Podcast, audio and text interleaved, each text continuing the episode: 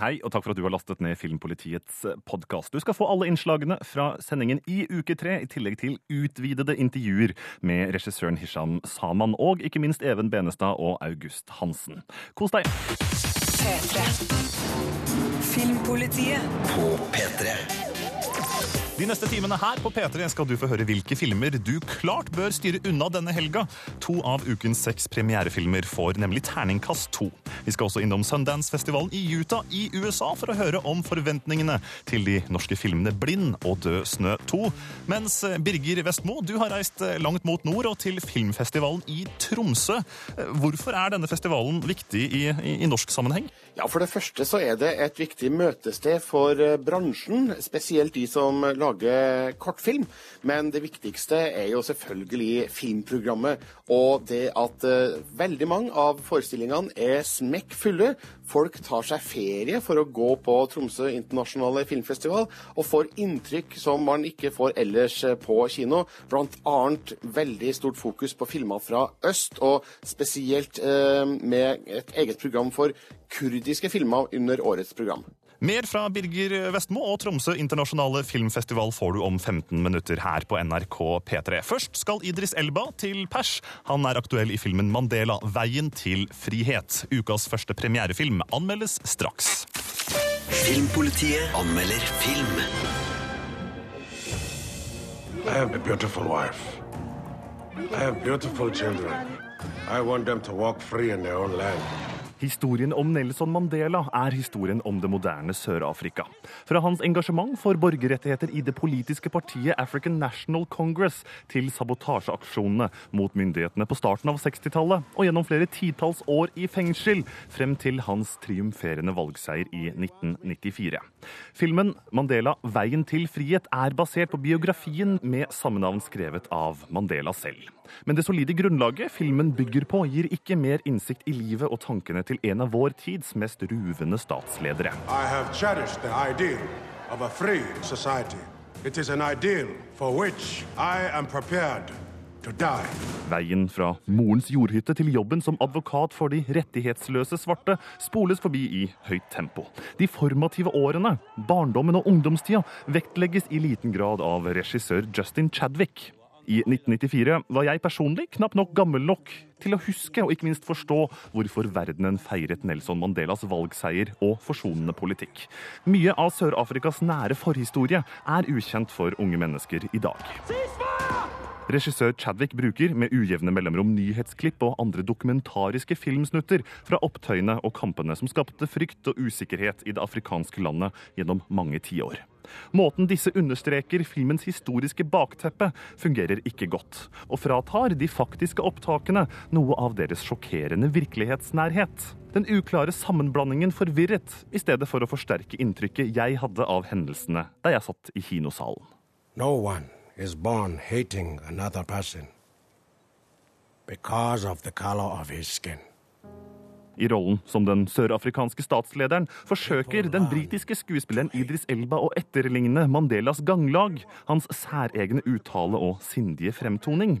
Til å begynne med, i filmen 'Mandela veien til frihet' overbeviser Elba. Det gjør også Naomi Harris som Mandelas andre kone Winnie. Dynamikken dem imellom, hvordan forholdet utvikler seg over de mange årene Mandela tilbrakte i fengsel, gir en trygg emosjonell grunnmur i filmens midtparti. Hvordan de to også vokser fra hverandre, med ulike oppfatninger om hvordan opprøret skal fortsette, gir et lite innblikk i mennesket bak den ikoniske statslederen. I am not afraid anymore. Utfordringen og problemene oppstår når Elba skal spille ut de siste årene fram mot Mandelas valgseier i 94. Med grått hår og en ansiktsmaske som skjuler Elbas skuespill, mister filmen sitt momentum nok en gang. Medfangene fra de mange årene på Robben Island er ikke enige i den veien mot fred Mandela velger. Elba formidler ikke den indre konflikten i ham når han forhandler med det sørafrikanske regimet. Flere scener hvor Elba stirrer tomt ut i rommet med en tykk maske som skjuler hans subtile mimikk, tilfører filmen lite. Just open the gate and let me go. Mandela, veien til frihet, er en svak film om en sterk leder. Historien om hans liv er også sterk og engasjerende. Det gjør at filmen, trass sine svakheter, griper tak i de rette øyeblikkene. Når den mangeårige fangen endelig kan gå ut og møte sitt folk som landets første demokratisk valgte afrikanske leder, er jeg også en av dem som jubler. Terningkast tre. Og Hvis du går inn på p3.no skråstrek filmpolitiet, kan du se klipp fra filmen. Det er flere som har eh, kommentert at Elba ikke ble nominert til en Oscar for Beste mannlige hovedrolle. Jeg mener det er helt OK at eh, de andre som ble nominert, eh, nok fortjente plassen litt bedre. Hvis du har lyst til å diskutere dette med meg, gå inn i kommentarfeltet altså på p3.no skråstrek filmpolitiet. Filmpolitiet. Disaster in the Universe, You Can Tell Me All her på NRK P3, hvor vi nå skal tilbake til Tromsø internasjonale filmfestival. Birger Vestmo, du har eh, tatt deg litt eh, skal vi si, radiofri for å se mest mulig film. Eh, Rett og slett reist til Nordens Paris. Hvilke filmer er det som har gjort inntrykk på deg så langt? Ja, Det første jeg gjorde da jeg kom hit, det var å gå på den aller første mulige filmen jeg kunne gå på. Og det viste seg å være en dokumentar som het The First Movie, der eh, den eh, skotske filmviteren Mark Cousins tar oss med til Irak, der han viser film for irakiske krigstrette barn, bl.a. tid Og det er jo morsomt og sterkt å se hvordan de reagerer når de får se film for aller første gang på en improvisert kino. Så det var det første som skjedde med meg i Tromsø. Og seinere har jeg bl.a. sett uh, den islandske filmen Of Horses and Men, som også skal opp på vanlig kino i Norge. En uh, burlesk, underfundig, absurd komedie om uh, mennesker og hester på, på Island, og et drama som utspiller seg i en liten dal i et avsidesliggende strøk på Island. Veldig morsom, ganske sær, men veldig underholdende. Og den ble også veldig godt imottatt da den ble vist her i Tromsø i går, med regissør Benedikt, Benedikt Erlingsson til stede. Og så har jeg jo også hørt mye snakk om andre filmer som jeg ikke har rukket å sett sjøl enda. Blant annet Alexander Paynes nylig Oscar-nominerte film 'Nebraska', som deltar i hovedprogrammet her. Og 'Twelve Years a Slave', som også vises under filmfestivalen. Du nevnte også da Alexander Paynes 'Nebraska', som deltar i hovedprogrammet i Tromsø. Den ble også nominert til flere Oscar-priser i går. Interessant nok så har da den norske distributøren United International Pictures nå bestemt seg for å revurdere avgjørelsen om å droppe norsk kinodistribusjon for filmen. Vi får håpe at den også dukker opp på norske kinoer litt nærmere sommeren. Det er også noen svenske filmer som vises her, som har blitt godt mottatt. Annet åpningsfilmen 'Meg eier ingen', og også 'Återtreffen', som handler om en skolegjenforeningsfest som utarter seg. Som det skjer ting på Så Det er filmer som jeg har kryssa av i programmet, og håper å få se før jeg skal reise her fra Tromsø. Og så vil jeg bare nevne én film til slutt som jeg virkelig skal få med meg, nemlig 'Narkokultura', som handler om de som rydder opp etter narkorelaterte dødsfall i Mexico. Det handler om narkotikakarteller som massakrerer sine fiender, og de som må rydde opp i det etterpå. skal visstnok være en uh, veldig sterk uh, film der kamera kameraet er med overalt når det ryddes, for å si det slik. Så slike filmsjokk det må man også ha plass til i en filmfestival. Festivalen har nå vart i et par dager, Birger. Hva er det som skjer videre framover i helga? Ja, nå i kveld så er det stumfilmkonsert her i Tromsø. Den russiske filmen The House on Trubnaya fra 1920-tallet skal vises i gamle, ærverdige Verdensteatret her i Tromsø, som for øvrig er Norges skal vi si, lengstlevende kinosal som fremdeles er i drift. Det er også urpremiere på den norske filmen 'Permast' i kveld, som John Sullivan har regissert. Den har jo en sterk Tromsø-tilknytning, så den blir nok populær her på TIFF. Og på søndag så er det utdeling av diverse priser. Det er da Aurora-prisen, Fipresci-prisen, Publikumsprisen og Tromsøpalmen bl.a. Så da skal hele festivalen oppsummeres, og vi skal få vite hvilke filmer som har vært de beste under årets festival. Og der tror jeg nok at eh, konkurransen er hard, for eh, det virker som et ganske sterkt program under årets eh, festival, så vidt jeg kan se. I tillegg til spillefilmer så vises det en del dokumentarer også fra norske eh, filmskapere, annet den nye til Even Benestad om den legendariske eh, klubben Klubb 7 i Oslo. Eh, hvordan ble den mottatt, Birger? Ja, den har han for øvrig også regissert sammen med August B. Hansen. Den fikk god mottakelse. Det er jo mer en stemningsbeskrivelse av Klubb 7 og ikke en eh, tradisjonell dokumentar. Og noen hadde nok kanskje forventa et eh, litt mer dokumentarisk preg på filmen, men eh, det er lekkert redigert, og visuelt så er jo det her en veldig interessant film som NRK skal vise litt senere i vinter. Straks skal du få møte Even G. Benestad og August B. Hansen her i Filmpolitiet. Du, Birger, har tatt en prat med de to dokumentarskaperne. I mellomtida så får du ha en fortsatt eh, fin festival i Tromsø. Det skal jeg ha. David Gray, This Year's Love. Akkurat det klokka nå er halv tolv på NRK P3. Det er Filmpolitiet du hører på. I 2011 gjorde regissørene Even G. Benestad og August B. Hansen stor suksess med dokumentarfilmen Push-Wagner. Nå har de laget film om Oslos viktigste utested på 60- og 70-tallet, nemlig Klubb 7. Filmen heter det samme og er blitt vist under Tromsø internasjonale filmfestival denne uka. Birger Vestmo møtte regissørene der. Hvorfor var Klubb 7 Oslos viktigste utested den gangen? Jeg tror det er liksom i filmen at Klubb 7 kom på, kom på en måte Altså Beanie-skjørtet kom, p-pillen kom, og, men det var en ting til også som kom, og det var studielånet. Så, eh, så det var jo et studentopprør i utgangspunktet. Man eh, var ikke-studenter og studenter som ble samla på studentkro, som fant ut at de ville gjøre noe nytt. Og det ble til Klubb 7. Hvorfor lagd film om det her, i August? Vet ikke, altså det som er liksom, Klubbsjå har liksom spøkt litt i kulissene på mange av de tingene jeg og Even har gjort. Vi har snakka med veldig mange forskjellige øh, folk i forskjellige prosjekter. og Klubbshow har liksom vært en sånn fellesnevner. Mange av de folka vi har prata med, både folk som har støtta filmene våre, folk som har vært i filmene våre. Pushfagene dukker jo opp f.eks. på det første bildet vi fant fra Klubbsjå fra 1963. Så, så, og så er det jo liksom en, det er et myteomspunnet sted som alltid liksom har Tanken på klubbsju har alltid tiltrukket meg. Jeg tror jeg hadde vært der selv hvis, det, hvis jeg hadde levd i den tida. Så, så det måtte vi gjøre. Ja, hva foregikk på klubbsju? Altså, ja, foregikk- altså, det var jo, var jo først og fremst et musikksted eh, først. Og så ble det jo teater. eh, og så ble det jo barnehage. Og så ble det bibliotek. Og så ble det film. Så det var jo virkelig en sånn klan. Altså, det var et miljø hvor, eh, hvor alt skjedde på ett sted. Eh, altså virkelig sånn, altså virkelig sånn Hva skal man si? Sånn kollektiv. Da. Og veldig mye kunstnere, veldig mye musikere. Så det var jo en kreativ smeltedigel.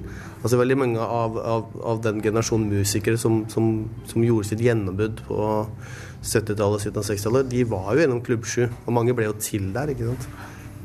Mange av dagens store kulturpersonligheter òg, som har Altså, hatt sin ungdom der. Mm, jeg, tror, jeg tror på en måte det er underkjent hva slags altså, De aller fleste i Oslo, f.eks., iallfall, som er i en viss aldersgruppe, de kjenner til Klubb 7. Uavhengig om de har vært der eller ei. Og mange av barna deres gjør det også. Men det er underkjent liksom, hva slags direkte betydning Klubb 7 har hatt for utviklingen av norsk kulturliv. Det handler bare om alle artistene som på en måte har tatt sine barnesteg der til liksom, viktige beslutningstagere i, i kulturpolitikken i, i Norge i dag, som, som har vokst opp på klubbskjula. Og jeg tror det var veldig viktig altså på den tida at det var så mange små fortrengte liksom, nisjemiljøer som ikke hadde noe sted å, å være, som kom sammen på samme sted. Og akkurat det tror jeg var veldig viktig. At veldig, veldig ulike uttrykk fikk lov å liksom få en felles uh, baskeplass. da. Det kom det gode ting ut av. Men i stedet for å lage en eh, skal vi kalle det streit dokumentarfilm om dette skjedde da og disse var med, så er det her mer en, eh, en, en videokollasj. eh, En slags stemningsbeskrivelse. Hvorfor har dere valgt å gjøre det på den måten? Altså Først så ville vi jo lage en veldig streit film. Men det har jeg litt på følelsen at stort sett alle filmprosjektene som vi har vært involvert i, har begynt som en streit film. Og så, eh, og så kommer det en eller annen idé. Eh, som med Pushwagner så var det hei, hva skjer hvis Pushwagner sykler gjennom en flammende ring? Ja, gøy. Og så var det i gang. Og, eh, og Klubb 7 begynte vel egentlig altså med at vi prøvde å selge til TV som en veldig streit film. Så vi fikk ikke solgt det. Og så begynte vi å, å, å kverne det på hvordan man kan lage en film om et sted uh, hvor man egentlig ikke forteller historien om stedet, men man lager tilstanden. og ikke minst baserer tilstanden på alle de pulsene som kommer utenfra også. sant? Eh, så, det er jo ikke så, så er så sinnssykt mange bilder inne fra Klubb 7. Det er jo like, mange, det er jo like mye kulturreferanse på for tiden. sant? Det er tiden, og det er, det er ånden, og det er stemningen. og Kanskje litt sånn som vi tenkte at klubbsjuerne var. da. Hvordan de tenkte og, og hvordan de følte, og hvordan det var å være en del av Klubb 7. Eh, og det er jo ambisiøst. Så om vi har fått det til, det vet jeg ikke. Eh, Det er ingen navn i filmen. Eh, Det er mange som snakker, men vi vet aldri hvem de er. Eh, Hvorfor det grepet? Altså, jeg tenker liksom Klubb 7 Eller den tida hvor Klubb 7 oppsto, altså fra fra slutten av 60-tallet og begynnelsen av 70-tallet så var det en veldig sånn kollektiv eh, greie. Var, folk var opptatt av hva man kunne, kunne gjøre sammen, og ikke så veldig mye opptatt av selvrealisering, kanskje, som man er i dag. Og det, det har vi liksom lagt som en linje i filmen. At altså, dette er, det er en skildring av en hel generasjon da, som leter etter en identitet, ikke bare masse enkeltmennesker som det er i dag. Og da føltes det veldig naturlig å bare ha en sånn vev av stemmer som går i hverandre, og heller fokusere på stedet. da. Klubb 7 finnes ikke mer. Det ble nedlagt i 1985. Finnes det et sted i Oslo som kan sammenlignes med Klubb 7? Nei, ingenting. Altså det, men det, jeg tror ikke det Altså et sted som Klubb 7 kunne ikke oppstått i dag. Og det var nok litt av altså Det var pengeproblemer, og klart de gikk konkurs og alt sånt, men jeg tror det at det som, er, at det som skjedde, var jo at plutselig så, så vokste jo det kom flere utesteder. Da Klubb 7 kom, så var det ikke noen tilbud. Sant? Men, eh, men plutselig så kunne folk velge sin helt spesielle lille nisje. da Likte du jazz? Ok, men da gikk du der. Likte du rock? Da gikk du der. Så måtte, det var jo bare det at den bobla sprakk, så den gikk i oppløsning. Så den, den hadde ikke noen funksjon lenger. Så det gikk jo, de jo sakte, men sikkert eh, naturlig fra hverandre. Så det hadde, aldri, det hadde aldri eksistert i dag, tror jeg uansett. Og jeg tror ikke det er noe sted noen sier sånn ja, men Rockefeller minner litt. Men det gjør jo egentlig ikke det, selv om det er starta av folk som var klubbsjuere. Men trives dere i det her formatet? Altså, Pushwagner var jo en helaftens eh, dokumentarfilm på kino. Eh, en halv time på TV, er det like gøy? Ja, altså det, det er den første, eh, første kortdokumentaren som vi har laga. Jeg syns det var veldig moro. Altså, vi har jo lekt mye mer nå enn vi har gjort noen gang. Også fordi at det var en kortdokumentar. Når du kommer opp i det store formatet, så er det jo er det veldig mange andre stemmer som, som sitter og gnager deg i bakgrunnen. Har distributører og mer, veldig nervøse produsenter. Mens her så har på en måte alle sagt at jo, vi skal ha det gøy, da. Eh, vi kan teste ut det, vi tester ut det. Ja, vi gjør det. Og så har vi på en måte den eneste begrensningen vi har hatt, er budsjettet. da. Det har holdt oss tilbake. Men det har vært den eneste restriksjonen vi har hatt i filmen også. Så det har sklidd litt ut, da? Eller? Ja, som, som seg hører bør, tenker jeg. Det er, det er liksom stedet som er blitt hva, hva de kalte det. altså eh, 25 år med, med kontinuerlig improvisasjon. Og det føltes riktig at jeg skulle på en måte ha en slags gjenklang i filmen og prosessen med filmen. Da. Så det har vi fått til, da, takket være Nye Veier. Ja, ja. ja, det har vært mye sant? Man snakker mye Hvis komponistene spør hva skal vi gjøre, og vi har sagt liksom, ha det gøy. Lek med det. Klipperne har sagt eh, lek med det, eh, og vi har lekt med det. Eh, Og improvisert, da. Men er det et forsøk på, men er det et forsøk på å fange Klubb 7s ånd, for å si det på den måten? Definitivt. Det er det. Ja, jeg håper det er det også. Ja, altså det er liksom ja, fornemmelsen av et sted, tiden det oppsto i, og hvordan et, tid, et, et, en tid og et sted på en måte påvirker hverandre. Da. For de tingene henger veldig sammen. Altså, du kan ikke lage en film om Klubb 7 uten å si noe om den tida det oppsto i og ble forma i. da. Men filmen er jo tenkt som et kollektivt minne. Det er derfor aldri sånn, det blir bare sagt korte ting. Men alle de korte tingene Det er ikke sånn at én det er ikke sånn at de sier noe, og det fører til noe som er naturlig streng. Men hvis en sier at det var ikke noe sjekkested, så vil den neste si at det var et sjekkested. Så det er ikke noe, er ikke noe sånn kontinuitet. Men tenker altså sånn, hvordan man, litt hvordan man tenker da, når du legger deg ned og, og du tenker tilbake. Så er det veldig lite sånn stringent. Det er veldig sånn kaotisk, og veldig bildene flakker veldig. Og det var, eh, det var jo mye av utgangspunktet for å lage filmen. Kollektivt minne. hvordan du på en måte Eller hvis du da sitter sammen med dine gamle venner og ser på bilder, så sitter man og tjatrer. Litt den følelsen der, da. Dere har jo brukt hundrevis av arkivklipp. Altså, Hvordan har dere gått frem for å finne dette? Eh, hva skal jeg si? Altså, det er liksom, du begynner liksom å nøste et sted, og så dukker det opp gøye ting. Og det er jo litt sånn som jeg sa, at eh, vi har snubla over klubbsju i veldig mange forskjellige situasjoner. Så vi kjente jo til en del ting. Altså Eh, Robert Meyer, fotografen f.eks., var innom Klubb 7, tok bilder der på helt i den spede begynnelsen, liksom, så de kjente vi til. Og, og så har det liksom ramla inn arkiv etter hvert som vi, det ene har leda til det andre. Da. Uh, og så har det vært, vi har vel hatt som en sånn slags motivasjon å finne det vi forbinder Hvordan så den tiden ut? Hvordan så slutten av 60-tallet ut? Hvordan så begynnelsen av 70-tallet ut? Og da har vi ser man jo da at veldig mange av de folka som har lagd de tinga der, de hadde en eller annen link til Klubb 7. Føltes veldig naturlig. Og... Mm. Det var litt sånn vi snakka om prosjektet, noen sier 'Har du sett Egil Kolstøs film 'Hvis du bærer på en hjertesorg'? Nei, nei, ja, den må dere se. Og så fant vi jo Egil Kolstø, og så oppdaga vi en norsk regissør som er helt glemt. Så veldig mye, altså en veldig stor del av den filmen er jo basert på Egil Kolstø sine filmer. Mm. Uh, så, så det er også verdt å få med seg. Men hvordan er livet i klipperommet på et sånt prosjekt, der intet bilde står i ro mer enn to sekunder av gangen? Ja, må, ja, vi har jo Siden Pushwagner så har vi drevet med sånn langdistanseklipping hvor liksom eh, vi har sittet i Oslo. Og denne gangen her så har jeg og Even sittet på forskjellige steder også. Og så har vi hatt en klipper i, i Stavanger. Da. Så det har vært uh, opphetede diskusjoner over Skype. Uh, opptil flere ganger om dagen. Ja, ja. Det er Skype-klipping. Skype men det er veldig bra å ikke sitte i samme rom. Det har vi lært. Det lærte vi med Pushwagner. For det blir jo ganske Det blir opphetede diskusjoner.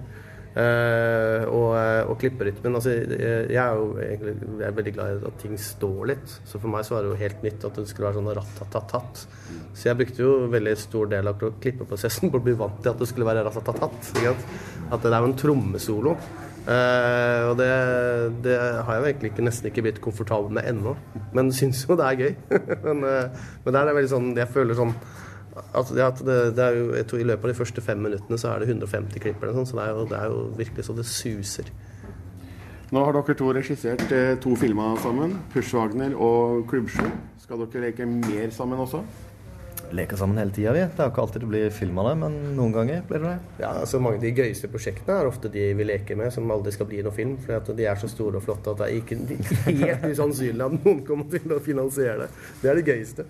Så, eh, så nå jobber jeg som konsulent, og det gjør jeg jo i, eh, ja, i tre år til. da. Så da har jeg, nå har jeg jo karantene på at jeg får ikke lov til å lage film.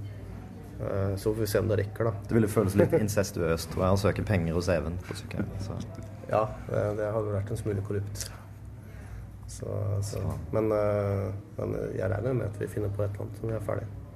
Mm. Even G. Benestad og August B. Hansen ble intervjuet av Birger Vestmo. Dokumentarfilmen Klubb 7 er 25 minutter lang og vises på NRK senere i vinter. Vi skal straks over til en annen Tromsø-aktuell premierefilm, nemlig Brev til kongen. Aller først, dette er Cashmere Cat. Filmpolitiet anmelder film.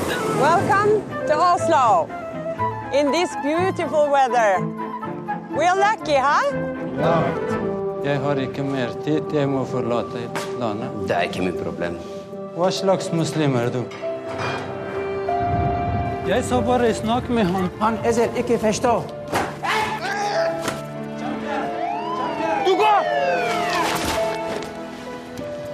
Litt lyd fra filmen 'Brev til kongen av Hisham Saman'. Andreas Hadsel Opsvik, du har sett filmen som også hadde sin verdenspremiere under filmfestivalen i Tromsø eh, litt tidligere denne uka. Eh, Saman er jo en fyr som kanskje er eh, kjent for å ta inn kanskje noe flyktningproblematikk i filmene sine. Hvordan gjør han det i 'Brev til kongen'? Nei, som du sier, han, han har jo en, en, veldig sånn karakteristiske tema. Han tar utgangspunkt i, i flyktninger, asylflyktninger sin sin eh, hverdag. Og i den forrige filmen hans, 'Før snøen faller', så var det mer om måte veien til eh, et sted der de kan flykte, men eh, i Brev til kongen så handler det da om de som allerede er her. Og med utgangspunkt i fem ulike flyktninger sitt, sin reise fra et asylmottak med buss til Oslo. Eh, og så hva de da skal gjøre i Oslo. Hvordan fungerer filmen? Blir du engasjert i, historien til disse, disse flyktningene? Ja, han, han, er veldig flink til å få veldig mange sånne detaljer, eller veldig masse historie og, og personlighet inn i bare smådetaljer i uh, de små historiene sine. Altså det er uh, en ung gutt som skal treffe en kjenning fra internett, uh, ei ung kvinne som har, er på et, et slags hevntokt, og alle har sine driv, da, sine agendaer for hva hva de skal gjøre i løpet av denne dagen, og så veksler en mellom de her små eh, historiene. Men Hvordan tror du filmen vil måles opp mot hans andre filmer? da? Altså, er, er, det en god film? Eh, jeg liker den, altså. Eh, men jeg syns eh, at 'Før snøen faller' var en bedre film. Av men egentlig på mange måter så, så, kan jeg rette den samme kritikken mot den her som mot nettopp Før snøen faller. At det, det gode bilder, det sterke bildet, er veldig flink til å måte, få fram eh, ting ved bruk av, eh, av kamera. Eh, men samtidig så er det jo òg eh, eh, alle skuespillerne amatørskuespillere eh, som jeg ikke tror helt klarer å få til det som Hisham Saman gjerne vil formidle. Da. Det, det, skorter rett og slett litt på formidlingsegenskapene til de amatørskuespillerne. Og til slutt så ble altså terningkastet Skal vi se om vi må høre, da. Terningkast fire. Og det er også mulig å høre mer fra Hisham Saman om bare noen få minutter her på NRK P3, for Birger Vestmo har møtt regissøren på filmfestivalen i Tromsø. Premierefilmen 'Brev til kongen' er skrevet og regissert av Hisham Saman, som tidligere har gjort seg bemerket med bl.a. spillefilmen 'Før snøen faller'. Nå forteller han om en gruppe asylsøkere på busstur til Oslo, og om brevet som en av dem har skrevet til kongen. Her forteller Saman om hvordan han fikk ideen til filmen. Det er jo bare et år siden sist du var her i Tromsø med ny film. Er det tilfeldig at eh, du nå er her igjen, eller har du en plan bak dette? Å smi mens jernet er varmt, for å si det slik. Jeg tror det er eh, tilfeldig, og så er det selvfølgelig en, eh, et ønske om å være eh, på innspilling og, og, i arbeid så ofte det lar seg gjøre. Eh, det, jo, det, tar jo tid å utvikle et prosjekt. Det tar tid å skrive det. Eh, litt lengre tid å finansiere det. Og enda lengre tid å spille det inn og klippe og klargjøre det for publikum. Men det som bak historikken, som jeg tidligere har fortalt, er at, at det har vært en, en vanskelig og omfattende finansiering pga. Eh, den forrige filmen min, eh, 'Før snøen faller'. Eh, og det var en tid hvor det, det var en lite omvelting i NFI, faktisk stort omorganisering, eh, som gjorde at mitt prosjekt havnet hos flere konsulenter. Og det gikk lang tid før en avgjørelse ble, eller beslutning ble tatt for produksjon. Og i den tiden så var jeg litt eh, usikker på om det skulle bli av, noe av den filmen. Og da tror jeg dette var en, et prosjekt for å forsikre seg om at eh, jeg lagde min debutfilm. Eh, og da satte jeg i gang dette eh, og skrev den i løpet av veldig kort tid. Historien skrev seg selv. Og da ville jeg gjøre det uten å søke. Og da eh, kontaktet jeg Alan Milligan, som, som hadde eh, sitt nystartede firma, Filmfarms. Og han ville gjøre en film med meg, en kortfilm egentlig, men det ble ikke noe av kortfilmen, og da gjorde vi spillefilm istedenfor. Så kort fortalt så gikk vi parallelt nesten etter hvert som vi fikk støtte for Førstenavfaller. Og Da hadde vi eh, begynt om med dette. Eh, så, så, begge filmene ble litt til parallelt, egentlig. Eh, men selvfølgelig, fordi Førstenavfaller var støttet og et apparat rundt, så gikk den fortere. Eller vi fikk den i havn først, og så kom den litt på vent. Og så, og så kom den etter, etterpå. Filmen handler altså om en gruppe asylsøkere som tar buss til Oslo med litt forskjellige agendaer. Bl.a. Eh, har én skrevet et brev som eh, er ment å gis til kongen. Hvordan kom disse figurene ned på manuspapiret ditt? Det er fem mennesker på utflukt til Oslo, og vi observerer eh, eh, deres eh, vei inn i Oslo. Altså, vi ser Oslo gjennom deres øyne. Um, og de drives av ulike motivasjoner. Eh, de er i ulik fase av sitt liv. Um, og så Det som er felles for dem, er jo selvfølgelig at de har forlatt sitt land og er inne i et, et nytt landskap. Eh, og er i Oslo eller på et mottak. Ideen om brevet kom når jeg gjorde en kortfilm som heter 'Bauke'. Eh, hvor eh, den eh, de menneskene som var involvert, ekte menneskene som var involvert, hadde fått, en av dem hadde fått avslag. eh, på sin søknad om, om opphold. Og da leste jeg dette avslaget, judi-avslaget, og der sto det at en, en passasje, eller en, to setninger, eh, hvor det står at du, når du har utprøvd alle distanser og du har fått avslag, så kan kongen omgjøre eller gi eh, hjemmel om eh, eh, midlertidig opphold. Og da ba vedkommende meg om å skrive et brev til kongen og hjelpe han ut av den situasjonen. Og det syns jeg var litt naivistisk. Hørtes litt, men, men det står faktisk i loven at du kan prøve å skrive til kongen. Um, og jeg vet flere som har gjort det. Og det, dette ble en, en viktig uh, eh, inspirasjon for brev til kongen. Men så, så har jeg tenkt tilbake, men hvor kommer denne ideen om en gruppe mennesker i by? Og da, eh, en gang på midten av, på midten av 90-tallet, så var ikke jeg filmskaper. Jeg var i Oslo.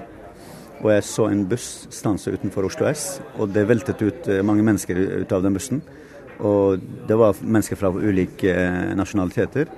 Og flere av dem, halvparten av disse menneskene, hadde lik jakke og lik farge på jakken. Og det begynte jeg å undre på hvem, hvem disse er. Hvorfor har de lik jakke? Og, og det viste seg at de var kommet fra et asylmottak eh, til byen på en dagstur. Og disse to elementene eh, gjorde at eh, jeg ville eh, eh, skrive en, en historie eh, som omhandlet mennesker med ulik bakgrunn, men med kanskje lik drøm som meg og deg, i en by som vi kjenner. Eh, men jeg har villet også ta det videre, eh, hvor location i denne byen har vært veldig viktig. Du går inn i en kebabsjappe og du kjøper en kebab, og så du, kommer du deg ut. Men jeg har villet ta deg til kjelleren. Jeg har villet ta deg inn på dører som du sjelden går inn i. Og det, og det har vært veldig veldig spennende for, og morsomt for meg faktisk å utforske. Midt i hjertet av Oslo kjører en trikk forbi, og du med en gang plasserer publikum på hvor vi er. Det er Storgata. Men neste klipp kommer det i en dør, opp trappa, og så er det midt i Kurdistan. Der er det en kafé. Mennesker fra ulik bakgrunn og nasjonalitet er der, og vår hovedkarakter tar oss inn i denne, denne location. Er det en overhengende tanke bak disse figurenes historie som du vil at vi skal ta med oss ut av kinosalen? Egentlig ikke. Hvorfor ikke? Nei, altså det er ikke lagd med en tanke på et budskap nødvendigvis, eller noe symbolikk bak, hvis det er det du tenker på. Jeg tror det er mer det å møte mennesker, fra, mennesker fra, på sitt premiss, og i, i, den situasjonen de befinner seg i, i den livsfasen de er inne i. Og med den, det var motivet bak deres handling. Uh, F.eks. har vi en kvinnelig karakter som drives av å hevne seg. Hun er kommet til Europa og Norge for å hevne seg på noe. Uh, og det er uh, en brutal uh, tanke som vi kan diskutere, og vi er uenige med henne. Men vi blir med henne og, og får noe av hennes smerte eller historie, forhistorie. så har du en annen karakter som går rundt og samler penger i Oslo. Fra disse butikkene han har jobbet på, svart arbeid og måten han blir behandlet. Og han uh, må forlate Norge innen 72 timer. Så du har ulike skjebner i ulik fase av sitt liv i en by som er veldig, veldig spennende. både visuelt, men også lydmessig, hvordan byen er, er sett fra disse menneskenes øyne. Du virker også i dine tidligere filmer å være veldig interessert i menneskeskjebner, spesielt mennesker på, på, på reise eller flukt. Eh, hvorfor er du så interessert i spesifikke menneskeskjebner? Jeg kan love deg at jeg kommer til å ta en liten pause fra eh, disse historiene eh, for en stund. fordi jeg har gått videre nå og tenker å utvikle en historie som ikke nødvendigvis behøver å være om, om mennesker som er på flukt, eller som er i, i, de menneskene jeg har beskrevet. Men det har gitt meg stor glede å kunne uh, entre, komme inn i uh, livet til disse menneskene og kunne uh, fortelle deres historie. Grunnen til det har, kan ha med at jeg har en lettere tilgang til kulturen, lettere tilgang til språk, hvordan jeg kan kommunisere med dem. Det, det er en form for tillit, føler jeg, jeg har skapt. Men, men, det behøver ikke være i kurdiske, bare i kurdiske miljøer, men også andre miljøer. Jeg bare føler at, um, at det er viktig at vi ikke um, reduserer disse menneskene til grupper. En, en, en homogen gruppe eller en, en um, uh, uh, I tabloide verden så har du dem som asylsøkere, innvandrere, flyktninger. Alle disse merkelappene er skadelige for mennesker.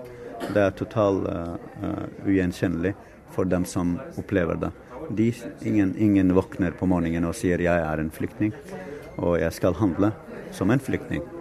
Uh, ingen tenker at de er asylsøkere. Altså, det er på en måte deres skjebne. Det er måten de har gjort de valgene. Og noen ganger er, er ikke deres valg å være der de er. Det er bare politikken, eh, krigen og andre ting som har forårsaket eh, og påvirket deres skjebne. Så jeg tror det har med at jeg, jeg føler en form for gjenkjennelse, menneskelig gjenkjennelse, som jeg tror du og jeg eh, ser og, og, kan føle på. Så det har ikke noe med at det er for en gruppe, altså om en gruppe for en gruppe. Det er mer om mennesker som har en ulik bakgrunn, men som kan ha lik drøm som meg og deg. Du er også en av få filmskapere som kan vise det norske samfunnet gjennom en flerkulturell linse, for å si det slik. Jeg vet ikke om det er en sånn greie du er lei av å bli spurt om, men eh, ser du på det som en, en, fordel? Eller ser du på det som et poeng? For meg det er veldig viktig hvordan jeg ser på meg selv. Eh, det er det viktigste. Jeg ser på meg selv som en filmskaper som har en fot i den norske kulturen, kanskje mine røtter fra Eh, Kurdistan. Og, den, og, og det, gjør, det, beriker min, min, filmskaping. Det gjør meg til en, uh, til en uh, mye mer Ja, en, en, en filmskaper som, som ja, jeg, føler, jeg, føler, at jeg, jeg, jeg er beriket, jeg er privilegert for at jeg kan de språkene jeg kan. For at jeg eh, har en bagasje som som er viktig for min, mitt yrke eh, som historieforteller.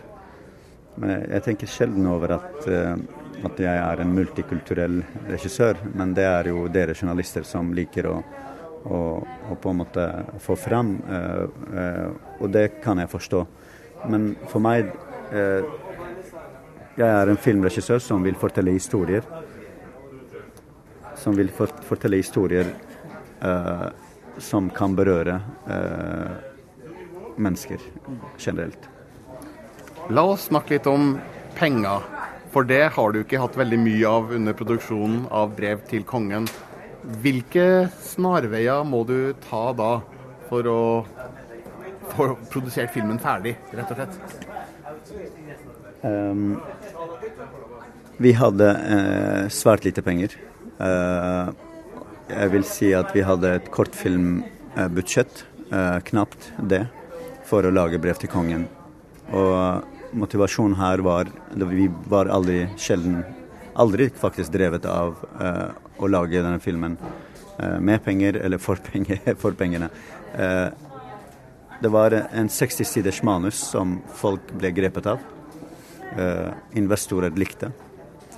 Castingen som folk eh, som var involvert i, fikk en følelse for. Eh, ansiktene vi hadde.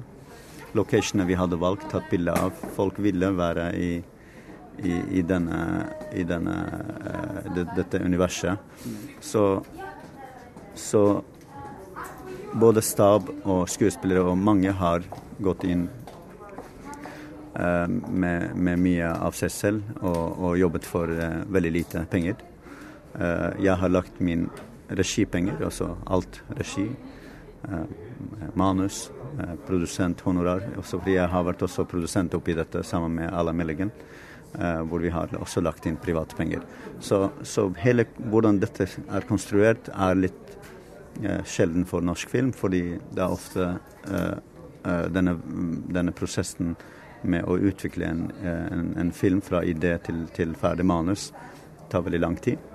Og jeg tror vi har prøvd å, å, å utfordre oss selv å lage en film eh, utenfor støtteapparatet, men jeg må innrømme at det har vært hardt, det har vært vanskelig. Jeg kan ikke si eh, med hånd på hjertet at det anbefales. Eh, det gjør svært, svært vondt økonomisk, og det er lite fortjeneste økonomisk. Men eh, vi har gjort det, vi har investert i kunsten. Vi har investert i en film som jeg kan stå for, og som vi er stolt av alle sammen. Men styrker det deg kreativt å være nødt til å tenke finans, penger, økonomisering under filmproduksjon?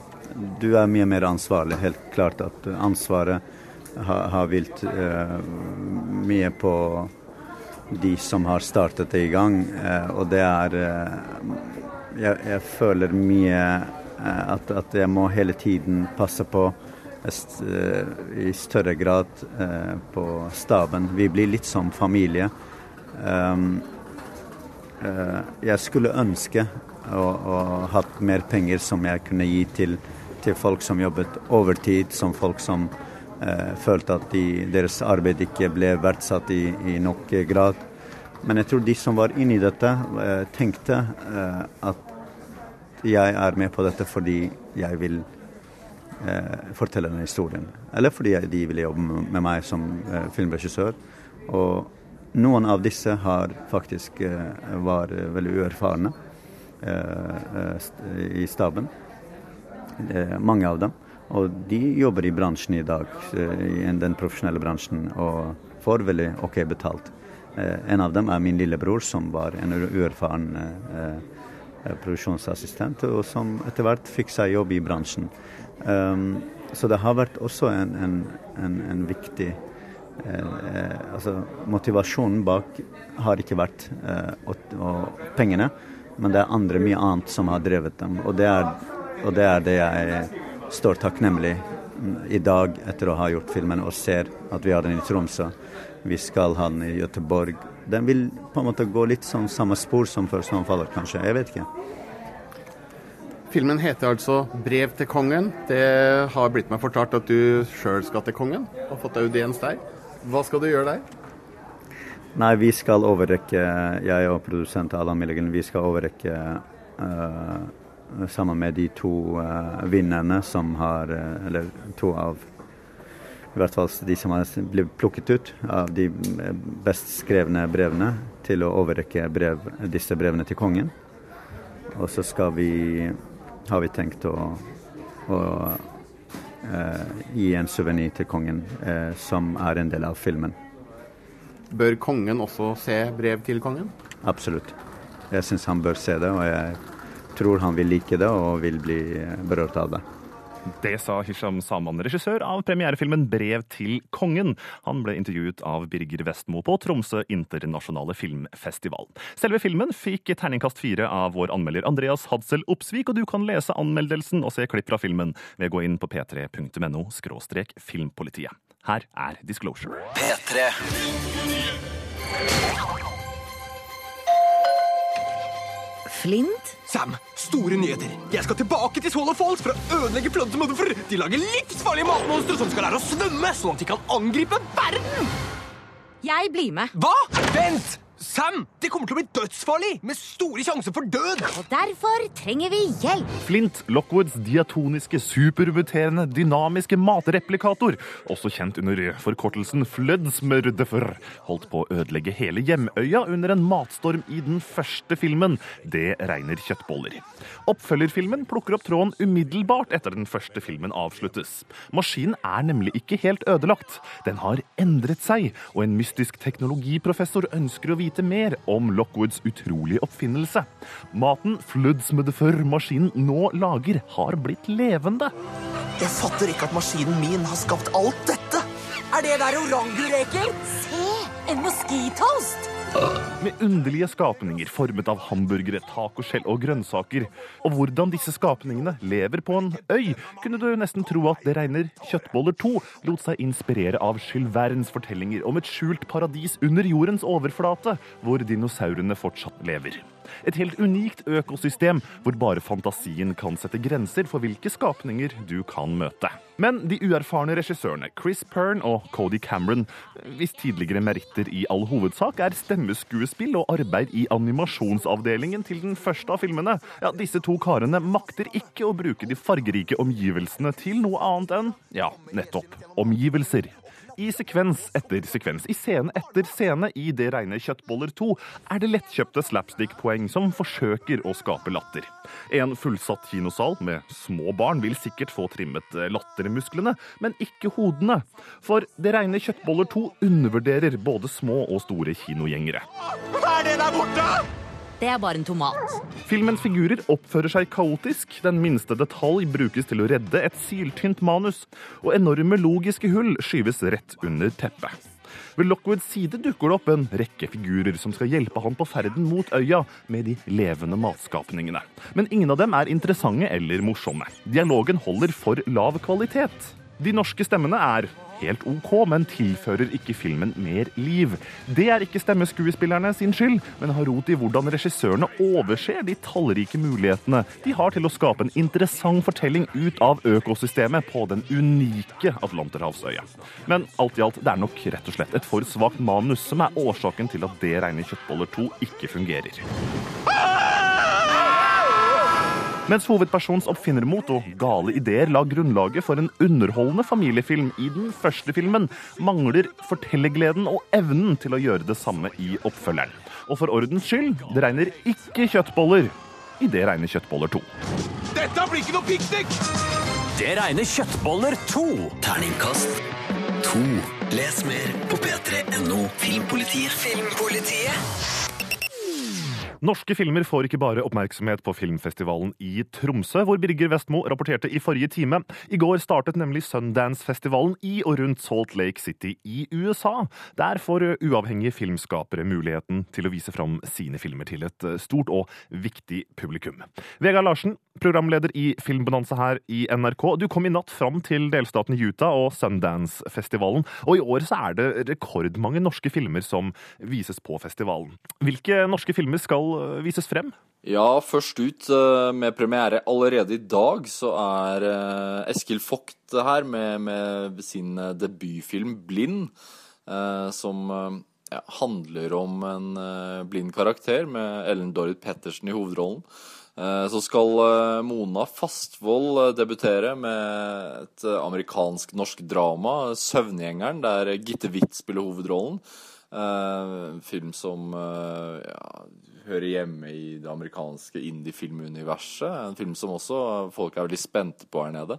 Det er en norsk kortfilm i programmet i år. En kortfilm som heter 'Burger', som er laget av Magnus Mork, som lenge har vist at han er en talentfull kortfilmskaper.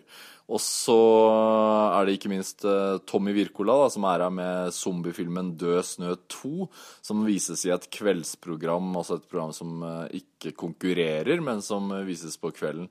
Tommy Wirkola har jo vært der før, og sønnen hans har betydd veldig mye for hans karriere, så det blir gøy å se hvor mange publikummere som går og ser hans film. Hvorfor er egentlig interessen for norsk film så stor på, på, på nettopp Sundance? Nei, Hvorfor interessen er så stor, det er vanskelig å svare på. Men, men uh, Sundance er en fi filmfestival som passer uh, norske filmskapere godt. Uh, norske filmskapere som beveger seg inn i et hva skal man si inn i kunstfilmverden, lager filmer som hører hjemme på Sundance, skal jeg vel si. Vi har en, begynner etter hvert å få en lang tradisjon med å ha filmer med på Sundance-festivalen. Uh, vi har hatt uh, filmskapere som har gjort seg bemerket uh, med filmer her tidligere. Anne Sewitsky vant jo prisen i den internasjonale konkurransen for noen år siden, og samme konkurransen som Eskil Vogt konkurrerer i nå. men det har aldri vært så mange filmer som i år før, og det, ja, det betyr jo at det skjer ting i Norge. og det, man trenger ikke å reise lenger herfra enn til California og se de norske regissørene som jobber eh, med store produksjoner der, for å få bevis på at, eh, at det gror godt da, i, i, filmbransjen i Norge. Og folk snakker om det også her på Sundance. Du nevnte Eskil Fock, den norske regissøren, eh, hvis film 'Blind' skal vises allerede i dag på Sundance. Og dette er jo hans debutfilm. Hva sier amerikanske medier om, om, om filmen? Altså, de som har valgt ut blind til konkurransen, var jo uh, veldig tydelige på at de sjelden hadde sett en såpass klar kandidat til å bli med i programmet. Altså, var, de sa vel sånn at juryen som plukker ut filmene, var enstemmig, eller de var uh, alle enige om at den filmen, den måtte være med.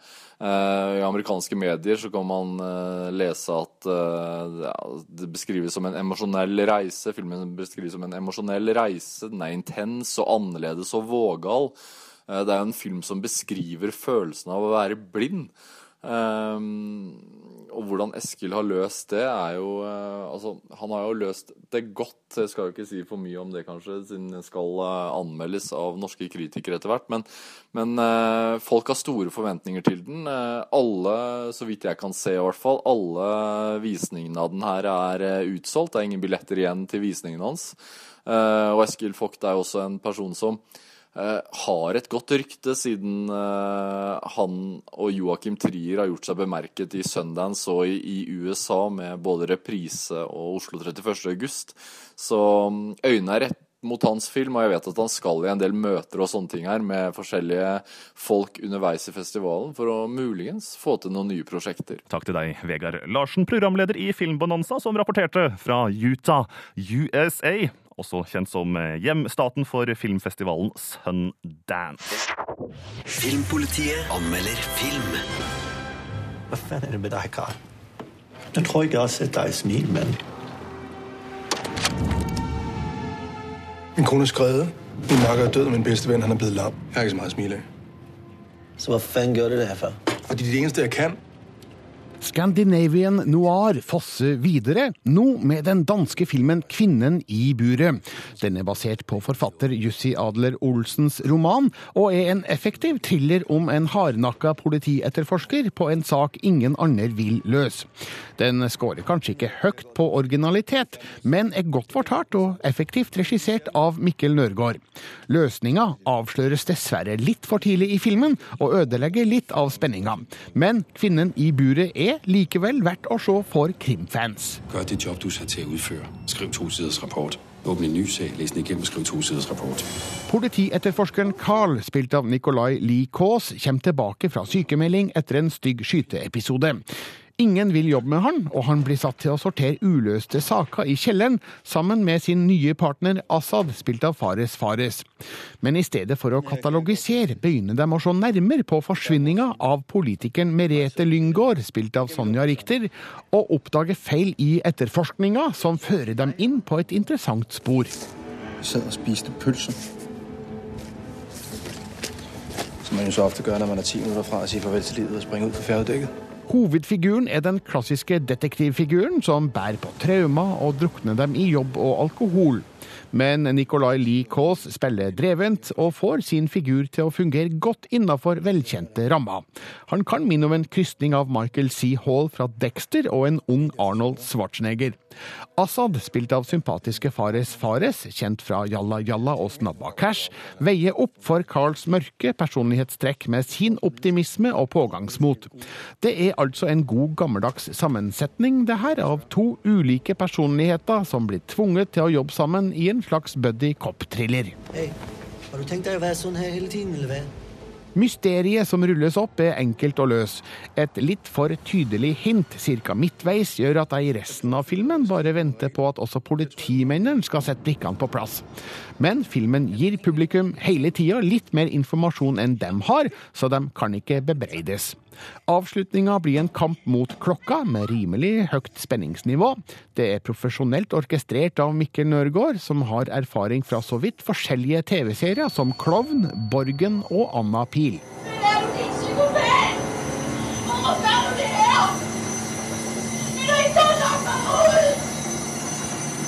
Vi ses om et år.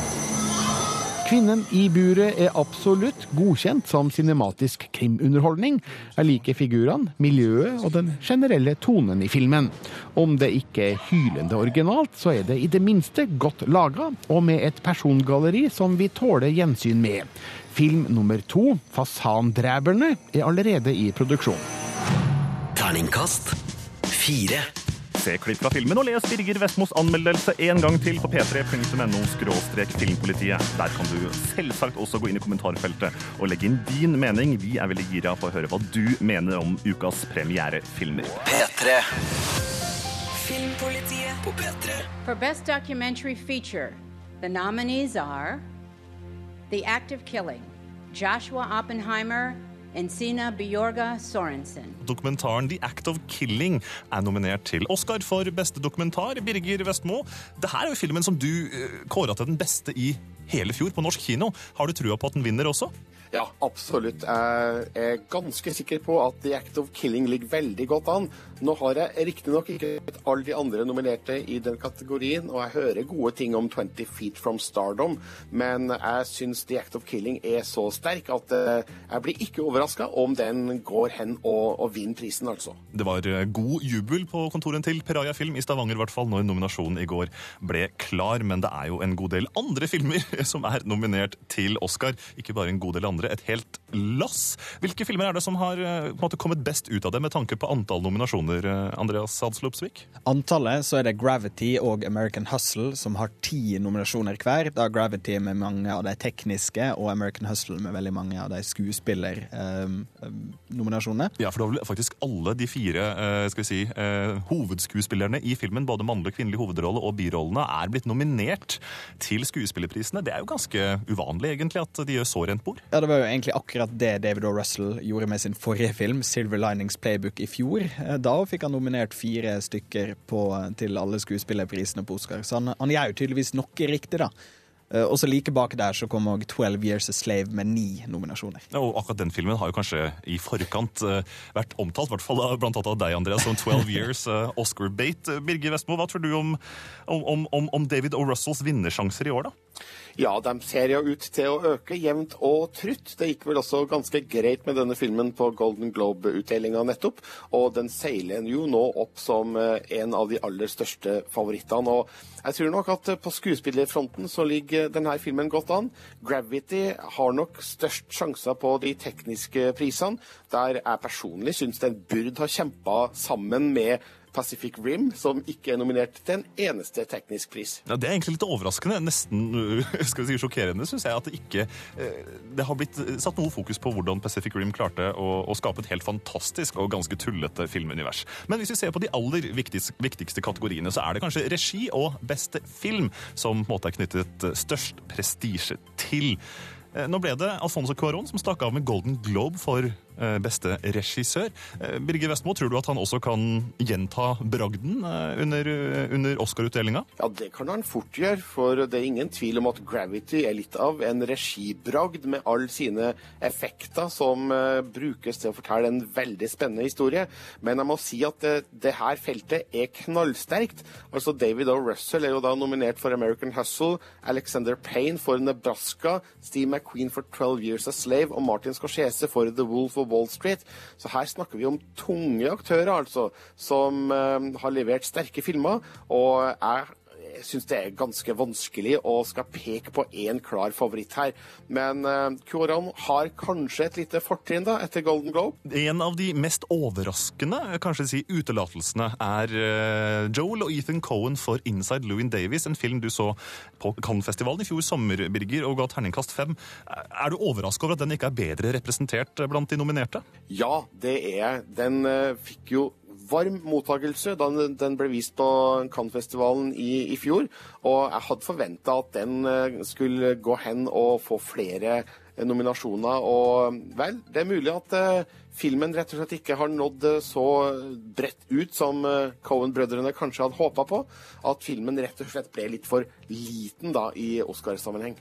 Og så er det jo, det er jo fem til ti filmer som kunne ha blitt nominert til beste film, og når det nå er nominert ni filmer, så må det jo tydeligvis bety at, de, at eh, Inside Louis Davis da ikke er klart. Det er 5% av stemmene som er, er nominasjonssteget for å bli nominert. Ja, for det, for det her er litt sånn vanskelig kanskje å, å, å forstå hvordan hele eh, Oscar-systemet fungerer, men altså i kategorien beste film så går det da gjennom en sileprosess, for det er jo omkring ja, 289 filmer, tror jeg, som er totalt nominert i år, og alle filmer som da får mindre enn 5% av stemmene, blir utelatt. og Det, det gir jo en indikasjon på, på kanskje statusen da til Inside Louin Davis eh, blant Oscar Akademiets medlemmer. Og så gir det kanskje en indikasjon på at det var veldig mange som lå akkurat rundt det her 5 %-merket òg, eksempel. Eh, Jeg tror vi må avslutte nå med å bare komme med en liten spådom. Og Birger, jeg har lyst til at du skal, du skal komme med en liten sånn uh, framifrå spådom om hvilken film som kommer til å stikke av med prisen for beste film. Vi har da de nominerte 12 Years a Slave, American Hustle, Captain Phillips, Dallas Buyers Club, Gravity, Her, Nebraska, Philomena og The Wolf of Wall Street. Hva er din kvalifiserte gjetning her, eh, Birger? Min kvalifiserte gjetning er at uh, the Oscar goes to 12 Years a Slave.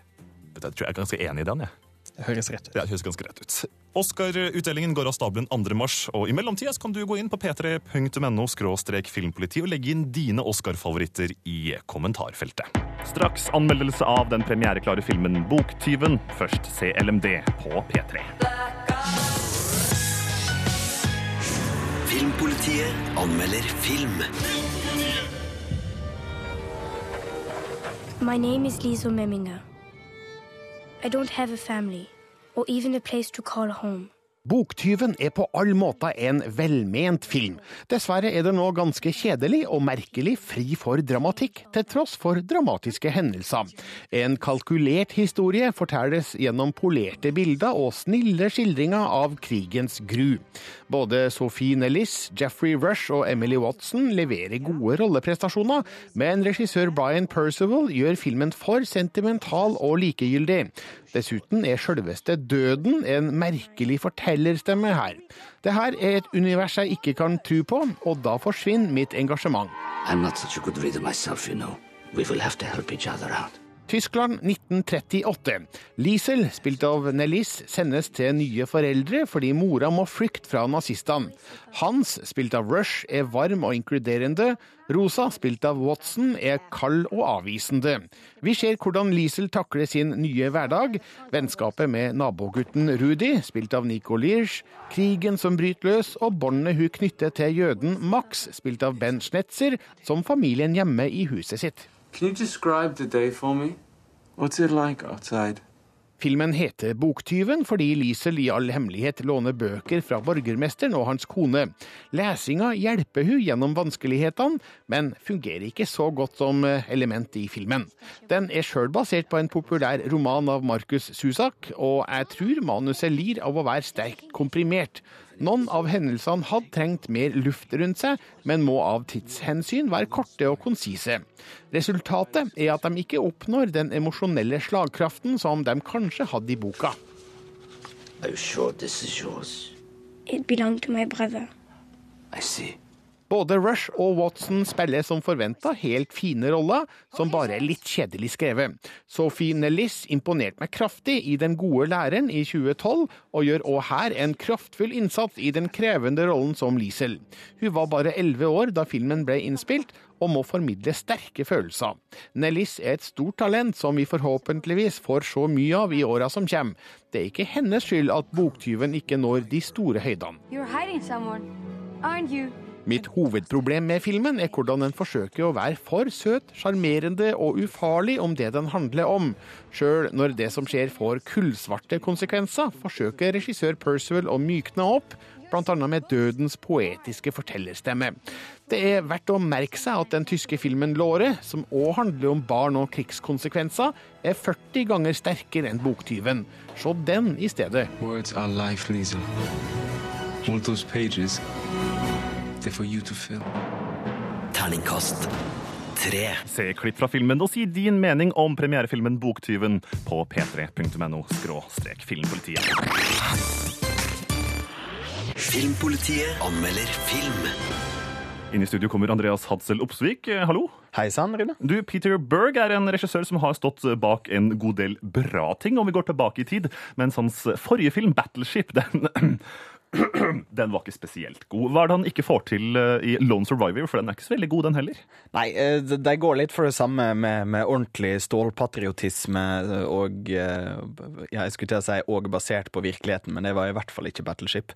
Men i, i en film der de tar for seg en virkelig historie om amerikanske soldater i Afghanistan, og gjør ting bra òg, med ordentlig sånn hjerterå, intense bilder av, av hvor på en måte vondt og forvirrende det kan være i krig. Men eh, så var det manus, da. Så eh, Derfor så tenkte jeg egentlig at jeg skulle lage meg et hørespill. Det var det jeg, jeg falt for i ideen når jeg skulle anmelde denne filmen. her. Ja, så Da må vi kanskje be eh, deg som hører på, om å innstille deg på P2-modus. Her kommer altså eh, Filmpolitiets radioteater. Anmelding av Lone Survivor av Andreas Hadsel Opsvik. Det er forfatteren som leser. Hei, det er produsent, skuespiller, regissør og all-around Hollywood gentleman Peter Berg. America! Ja, du, unnskyld, jeg fant en fjellskrent. Jeg skal bare ramle ned den først.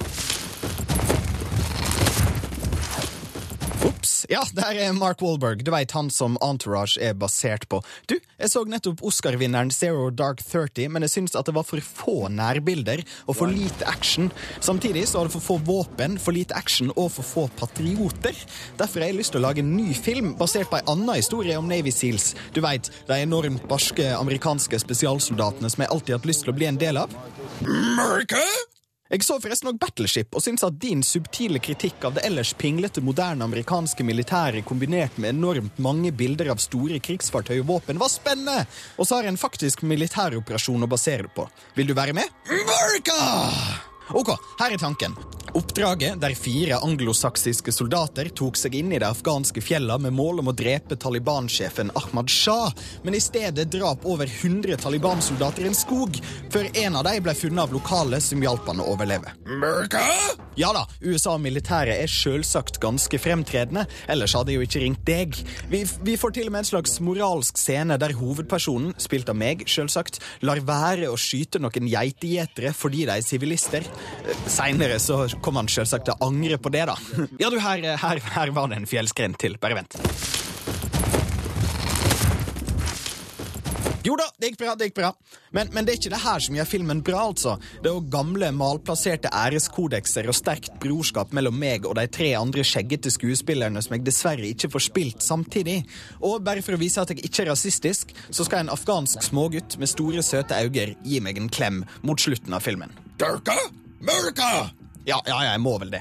Men det er bare jeg som overlever, da. Det avslører jeg allerede i begynnelsen av filmen, sånn i første scene, etter den tre minutter lange reklamefilmen for den harde treningen må gjennomgå for å bli Navy Seal. Hmm.